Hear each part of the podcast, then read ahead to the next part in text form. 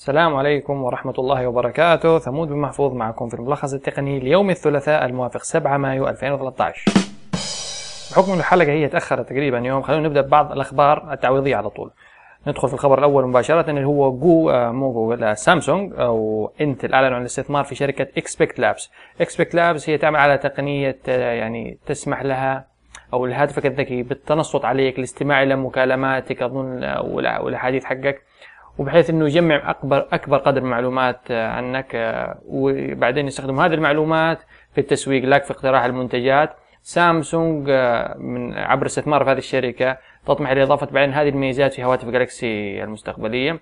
ممكن عشان مثلا تقترح عليك الخرائط تدمجها مثلا بخدمة تسويقية ممكن يعني نشوف سامسونج بعد فترة تدخل في مجال التسويق والإعلانات عن طريق الهواتف الذكية زي جوجل. بس اللي هو الواضح في المستقبل إنه هواتفك الذكية حتكون تتنصت عليك أنت تكلم أمك تقول لها وين نروح نتغدى مثلا في مطعم كويس نتجمع تجمع عائلي تلاقي الجوال بوب طلع لك رسالة فالمستقبل ممكن يكون مشرق من ناحية ولكن مظلم من ناحية أخرى إنه جوالاتنا حتكون تتنصت علينا لكن هل هذا الشيء يكون مصلحتنا؟ ما حد عارف. خبر آخر متعلق ب Nintendo، Nintendo الآن تعمل مع بعض المطورين انها توفر لهم أدوات تسمح لهم بتحويل ألعابهم على الهواتف الذكية والتابلتات إلى جهاز ال Wii U، طبعا ال Wii U زي ما أنتم أو بعضكم عارفين إنه ال controller تبعه اليد فيها شاشة في النص شبيهة بشاشات الأجهزة التابلت. فممكن Nintendo تعوض نقص الألعاب في جهاز ألعاب ال Wii U اللي أصدرته في نهاية السنة اللي فاتت وما حقق نجاح من ناحية المبيعات بسبب قلة الألعاب فممكن يعني تتفاهم مع مبرمجين ألعاب زي حقون Angry Birds وغيرهم من الألعاب المشهورة Cut the Rope وغيرها. على أساس ينزلوا نسخ على جهاز ال Wii U ممكن هذا الشيء يساعدهم في دفع المبيعات. بحسب ال Wall Journal إنه جوجل تقترب من إطلاق آه، قنوات يوتيوب مدفوعة. هذه الإشاعة دائما كنا نسمعها لكن يقولوا إنه خلال هذا الأسبوع ممكن نشوف جوجل تبدأ في إطلاق القنوات المدفوعة اللي حيكون يبدأ اشتراكها من دولارين في الشهر 1.99 سنت يعني 2 دولار. هذا الشيء يعني ممكن حيساعد الناس اللي بيسووا محتوى اللي بيصرفوا عليه فلوس كثير إنه يدخلوا فلوس. لكن في نفس الوقت هل الناس حتبدا تتقبل هذا الشيء؟ أنت اللي كمستخدم اليوتيوب هل مثلا مستعد تدفع 2 دولار شهريا لقناة مثلا معينة تعطيك أخبار تقنية؟ مايكروسوفت اعلنت أنها باعت حتى الآن 100 مليون رخصة ل Windows 8 طبعا هذا الشيء ما هو مفاجئ ما حنقول wow Microsoft يعني دخل باعت 100 مليون نسخة يعني النظام مستخدم. يعني من قبل أكثر من مليار شخص ف 100 مليون يمكن بالنسبة لهم ولا شيء عموما هذه المبيعات تشمل اللي هو النسخ اللي باعوها للشركات المصنعة ونسخ التحديثات فممكن يعني ما يعتبر نجاح كبير Windows 8 خصوصا إنه ناس كثير تنتقد النظام بس مايكروسوفت هو مخططها إنه Windows 8 حيكون يعني نسخة انتقالية وتجهزوا للنسخ المستقبلية Windows 9 Windows 10 بحيث إنه يعني أنا أتوقع الخاص إنه حيت يعني مستقبلا ممكن في Windows مو 9 ممكن في Windows 10 يتخلصوا من ال desktop ال classic desktop ويحاولوا التركيز على واجهة مترو جديدة. بس هم الآن بسبب قلة التطبيقات العملية زي مثلا ما في Photoshop لواجهة Metro Office لسه الآن ما هو ناضج بشكل كافي عشان تستخدمه على واجهة مترو. فمايكروسوفت ممكن تعطيهم فترة من الوقت لحين إنه تنضج التطبيقات واجهه مترو وتتخلص من ال classic desktop. Adobe أعلنت إنها الآن حتتوقف عن بيع النسخ اللي هي العلب وال license اللي الرخص بشكل فردي. مثلا أنت زمان كنت تبغى تشتري نسخة Photoshop ممكن تشتري عن طريق الأونلاين أو تشتري مثلا ال Creative Suite برضه تدفع فيها رخصة. الآن Adobe أعلنت إنه هذا الشيء حي يعني حينتهي. حتركز هي على Creative Cloud إنك تدفع اشتراك شهري عشان تحصل على تطبيقات Adobe ال Photoshop ال Premiere InDesign وغيرها من التطبيقات تبدأ هذه يعني اشتراك حقها. من 50 دولار ممكن إذا تبغى بس تطبيق واحد مثلا Photoshop تدفع قيمة اشتراك شهري 20 دولار بعدها تحصل على الرخصة لاستخدام التطبيق. بس طبعا هنا Adobe آه، تلزمك باشتراك شهري. يعني ممكن تنزل نسخة وأظن إنك ضروري كل شهر تجدد النسخة. هي حتتصل بسيرفرات Adobe عشان تتأكد إن الترخيص اللازم معك فهذا الشيء حي هل ممكن نعتبره مكافحة للقرصنة؟ آه يعني أدوبي دائما نعرف يعني برامج الفوتوشوب كل نسخة فوتوشوب مقرصنه ممكن تنزلها على الإنترنت فممكن هذا الشيء يساعد أدوبي على الحد من القرصنة خصوصا إنها تخسر خسائر كبيرة بحكم ان الفوتوشوب ممكن الرخصة حقه تزيد عن 1000 2000 دولار تقريبا. فالآن ممكن وفي المستقبل طبعا دحين مع التغيير الجديد في هذه الاستراتيجية النسخ حق البرامج القادمة ما حيكون في سي إس حيكون سي سي اللي هو Creative Cloud نسخة CS يعني آخر نسخة حتكون هي CS 6 اللي هي متوفرة حاليا. بعدين كل النسخ المستقبلية من فوتوشوب وغيرها من البرامج حتصير CC اللي هي Creative Cloud وبنظام الاشتراك فقط.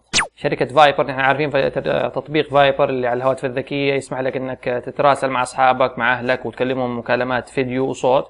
اعلنوا عن توفر نسخة خاصة باجهزه المكتب الويندوز وماك. تقدر تنزلها وتسوي لها activate بس ضروري اظن يكون معك النسخة الأخيرة من تطبيق فايبر تدخل رقمك وتبدأ تقدر تسوي يعني chatting عن طريق ال desktop أو عن طريق هاتفك الذكي وبرضه تسوي مع معاهم محادثات صوتية. تقدر مثلا تشغل محادثات فيديو زي السكايب. فيعني هنيئا لأصحاب الفايبر. أنا بالنسبة ما شخصيا ما أستخدم فايبر فاللي يستخدم الفايبر يعني اعطينا انطباعاتك في التعليقات عن هذا الشيء. ايريك شميت اللي عارفينه الرئيس التنفيذي لجوجل. في يعني تصريح له كان يتمنى يقول إنه في وجود زر لمسحك من الإنترنت. هو يتكلم إنه من ناحية شخصية إنه بعض الأشخاص ممكن في فترة من فترات حياته يبدأ ينشر مثلا حاجة على الإنترنت قام بأفعال ممكن سخيفة فيما مضى وهذا الشيء ممكن يؤثر على مستقبله على وظيفته على حياته مثلا علاقه يعني حياته حتى الزوجية ممكن في المستقبل. فهو يتمنى إنه يكون في زر لمسح مثلا غلطاتك من على الإنترنت عشان يعطي هذا الآخرين فرصة عادلة. عزيزي المستمع ما هو رأيك في هذا الشيء؟ يعني أنت مثلا هل سويت حاجة تستحي منها؟ في الانترنت بحيث إنك تتمنى إنه يرجع الزمن لورا أو تضغط زر يمسح مثلا كل نقول مشاركاتك في المنتديات السخيفة مثلا لما كان لما كنت مراهق. ما أدري الحين اللي يستمعنا أنت مراهق ولا لا. بس عموما إذا أنت تنشر حاجة في الانترنت انتبه فلأنه ممكن الحاجة الشيء اللي تكتبه أنت اليوم ممكن يستخدم ضدك في المستقبل. أو يعني ممكن واحد يفضحك مع أصحابك بعدين في المستقبل. تمكن مجموعة من الباحثين من اختراق المبنى اللي تستخدمه جوجل لأن مكاتب جوجل اللي في أستراليا. المبنى أظن يستخدم في نظام اسمه تريديوم نياجرا هذا النظام يبدو أنه كان فيه ثغرات وهذول المخترقين قاموا باختراق هذا النظام. بس إنه وضحوا لجوجل قالوا لهم شوفوا ترى النظام فيه له عدة ثغرات وما استخدموا أي ثغرات مثلا عشان يتحكموا في جهاز الإنذار أو سرقة بيانات مع إنه كان في إمكانهم. بس هو زي اللي تقولوا نوع من استعراض عضلات إنه شوفوا يعني نظامكم حق المبنى ما هو آمن بس حابين نوضح لكم هذا الشيء. ممكن نوع كمان من التسويق الذاتي يعني شوفوا نحن اخترقنا النظام نستخدمه جوجل في مكاتبهم فممكن هذا الشيء يعود عليهم يعني كدعاية تسويقية لجهودهم. ممكن بعدين يجيهم زبائن آخرين يعني يطلبوا خدماتهم الأمنية. والخبر الأخير من الفاينانشال تايمز أيضا. إنه فيسبوك يعني بعد ما الإعلانات صارت تظهر على اليمين بعد الإعلانات ما صارت تظهر في منتصف الصفحة الآن صارت يفكروا إنه يضيفوا إعلانات فيديو إلى برضو شريط الأخبار الخاص بك. يعني أنت تفتح تفتح صفحة فيسبوك على يمينك إعلانات وعلى يسارك آه وعلى في المنتصف إعلانات صاحبك عمل like لهذه الصفحة اشتري هذا المنتج نزل هذا التطبيق والآن حتظهر لك برضو فيديوهات خاصة بإعلانات ومنتجات لشركات مختلفة. يعني فيسبوك طبعا هذا هو مصدر دخلهم الوحيد. طبعا الشركة هل انت مثلا حتدفع نقول دولارين شهريا لاستخدام فيسبوك؟ ممكن إذا يعني أظهروا نسبة كبيرة من مستخدمين فيسبوك آه، نيتهم في الدفع.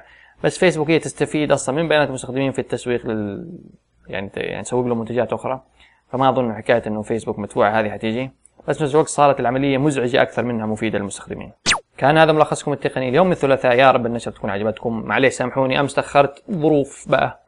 فلا تنسوا تتابعونا على ساوند كلاود dot com slash ثمود ممكن تتابعونا على تويتر at ثمود آه، زورونا دائما على موقعنا تيدوز dot com يعني دائما نحط مقالات بدينا يعني نزيد النشاط بزيادة. فإن شاء الله تابعونا على تيدوز برضه dot com كلموا أصحابكم استمعوا للملخص التقني اعملوا subscribe في ال iTunes ابحث عن الملخص التقني في iTunes واعمل سبسكرايب تعمل لنا مراجعة من نجمة إلى خمس نجوم.